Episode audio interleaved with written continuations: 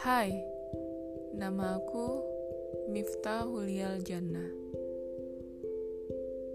Panggil saja Mita atau Miftah. Aku perempuan. Usia hampir 28 tahun. Tanggal 2 September ulang tahun aku.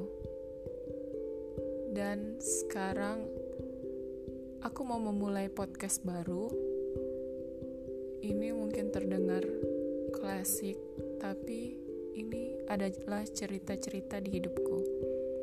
Semoga kalian ingin mendengarkan dan semoga bisa menginspirasi kalian semua.